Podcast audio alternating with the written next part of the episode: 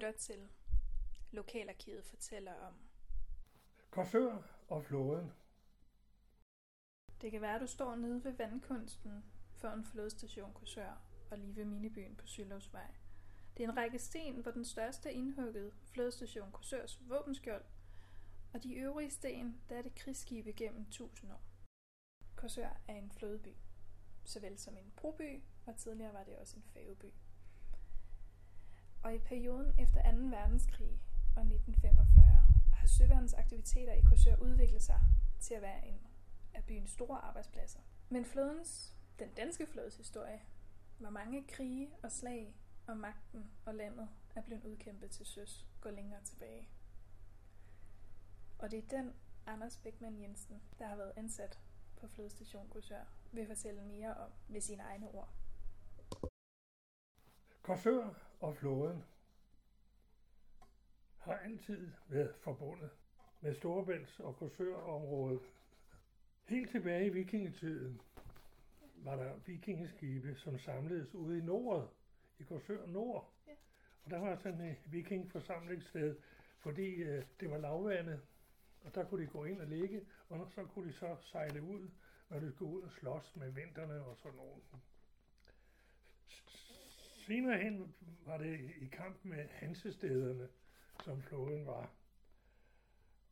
Omkring år 1500 blev den egentlige flåde øh, grundlagt af kong Hans.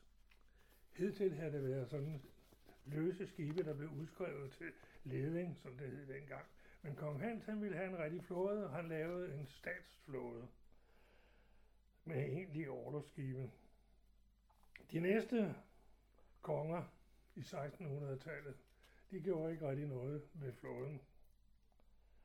Så hansestederne og svenskerne, de fik mere og mere at skulle have sagt rundt omkring i områderne, indtil Christian den 3. fik sat gang i udbygningen af flåden. Der blev nu bygget orderskibe, primært i København, men også i Korsør. Det var mindst øh, nogle små skibe og fartøjer.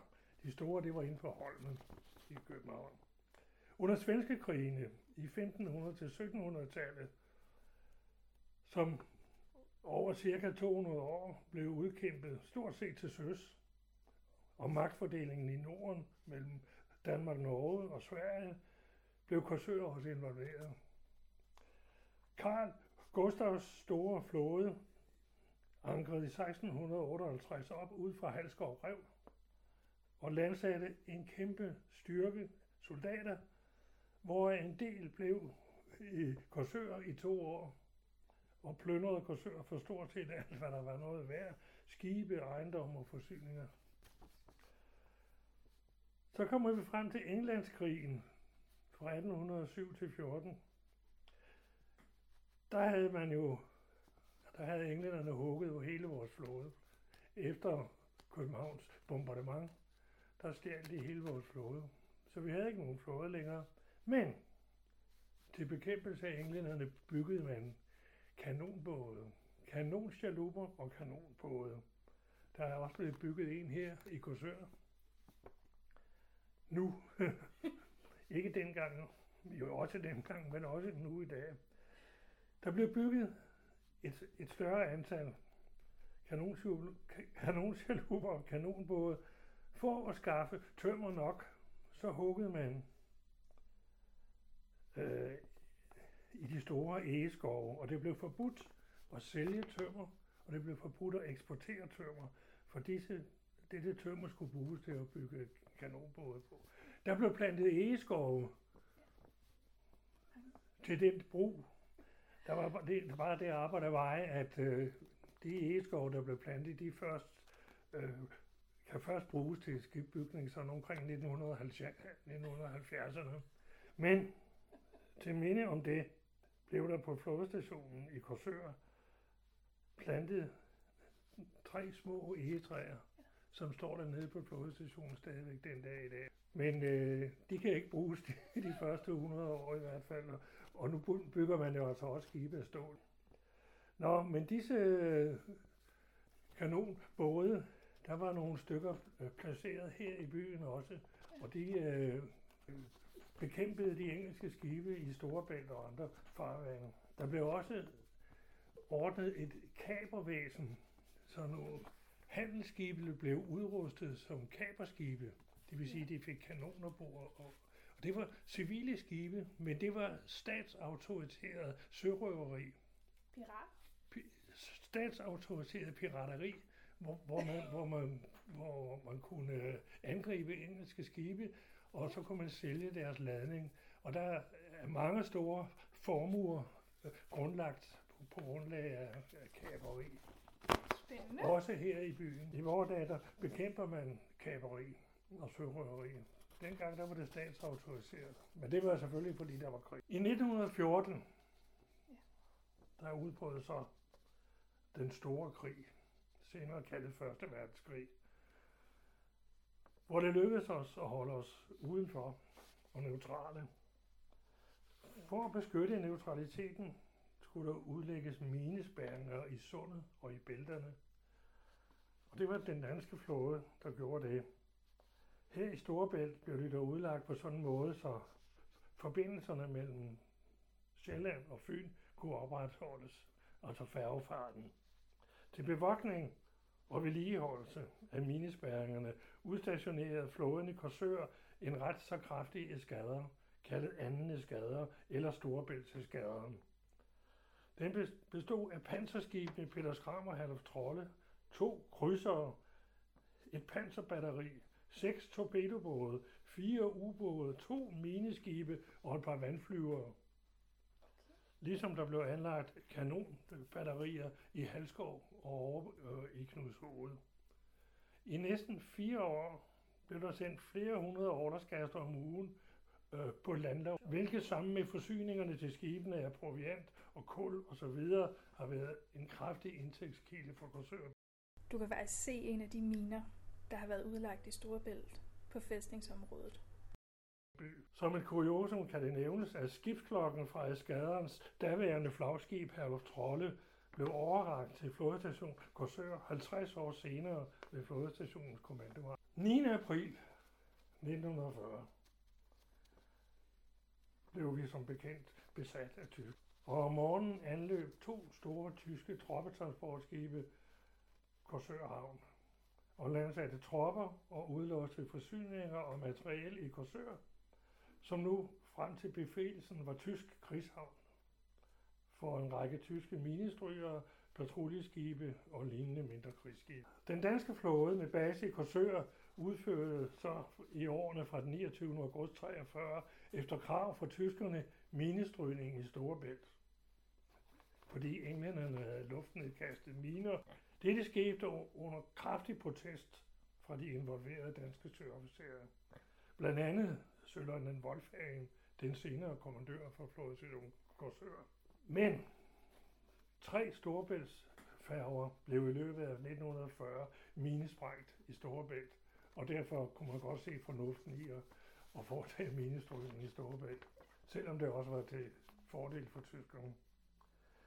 Den 9. august, 29. august 43 kom så det endelige brud med besættelsesmagten, og den danske flåde enten undveg til Sverige, eller for størstepartens vedkommende sænkede sig selv på Holmen.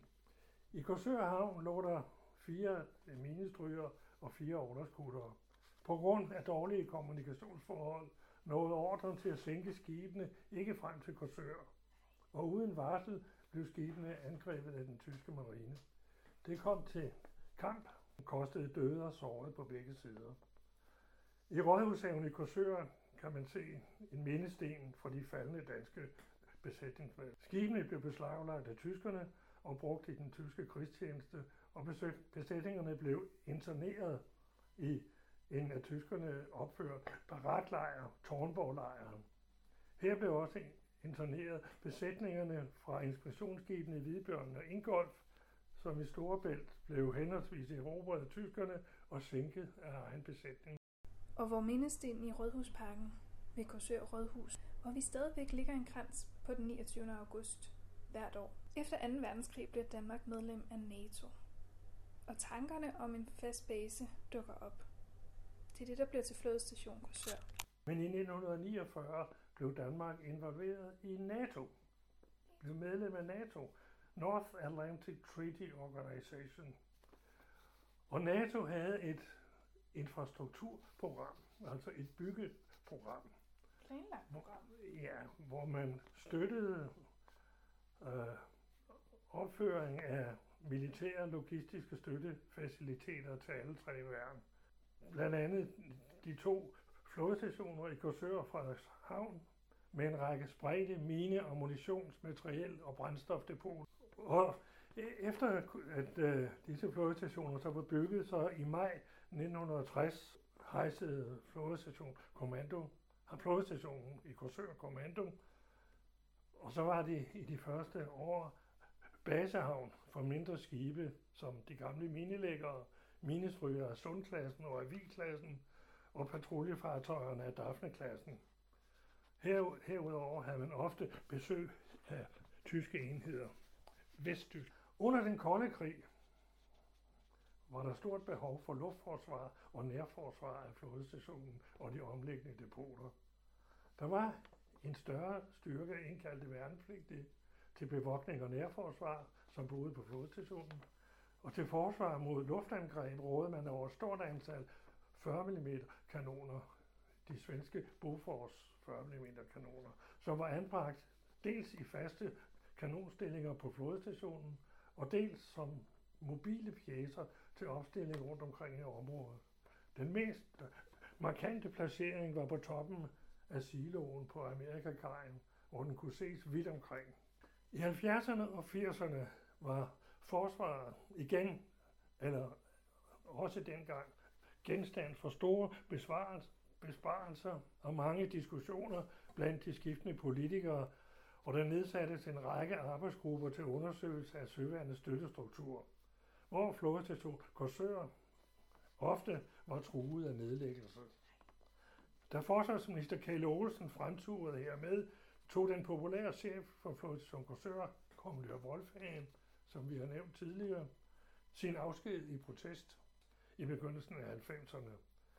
Og denne beslutning medførte så, at søværnets enheder blev fordelt mellem de to flådestationer, som i de følgende år blev udbygget til at huse de til skibsdybernes drift hørende faciliteter som værksteder, materiel og forsyninger og personel, både militært og civilt.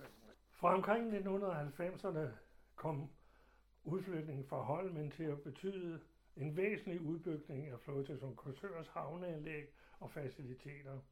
For at skaffe plads til de mange øh, faciliteter til værksteder osv., og den store mængde materiel og forsyningsgenstande, som løbende blev udflyttet fra Holmen, købte man et større industrikompleks ved Korsør Havn, nemlig glasværket Skandland. Udflytningen betød også en væsentlig tilgang af arbejdspladser, ja. både civile og militære, en del af personalet kom fra København, og en del af de lokale fik arbejde på flådestationen. I dag er flådestationen den største arbejdsplads i byen med omkring 1000 ansatte. I hele udflytnings- og udbygningsfasen har der været et forbilledet samarbejde mellem Søværnet og Korsør Kommune og byens befolkning.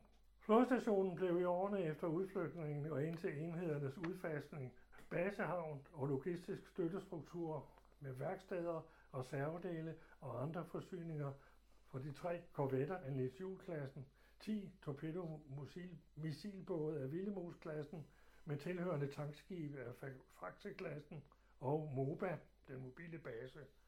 Herudover hørte de 14 Stanflex-fartøjer af flyvefiskenklassen hjemme på flådestationen, og der bygges en stor hal til opbevaring og betjening af de dertil hørende forskellige moduler. En videre betjentes flådens arbejdsheste, de otte orlogskutter af Barsø-klassen af flådestationen. Alle disse enheder er udfaset i dag. I dag er flådestationen Korsør basehavn for, de fire store fregatter og de seks patruljefartøjer af Diana-klassen, samt de små minerydningsfartøjer i kraft af forsvarets nye organisation er værksteder, bygningsvedligeholdelse, forsyningstjenester osv. på flådestationen ikke længere styret af flådestationen, men indgår i en treværns fælles organisation styret fra centralt hold. Du har lyttet til Serien Maritime Kursør fra Lokalarkivet. Det er et bidrag til projektet og aktivitetsteam Maritime Kursør, som du kan finde mere om på hjemmesiden maritimekorsør.dk. Korsør staves med ø Og du kan finde flere steder rundt i Korsør, så hold øje. Jeg er Maria Meier og har interviewet afsnittets hovedfortællere og produceret podcastserien Lokalarkivet fortæller om. Tak for at lytte med.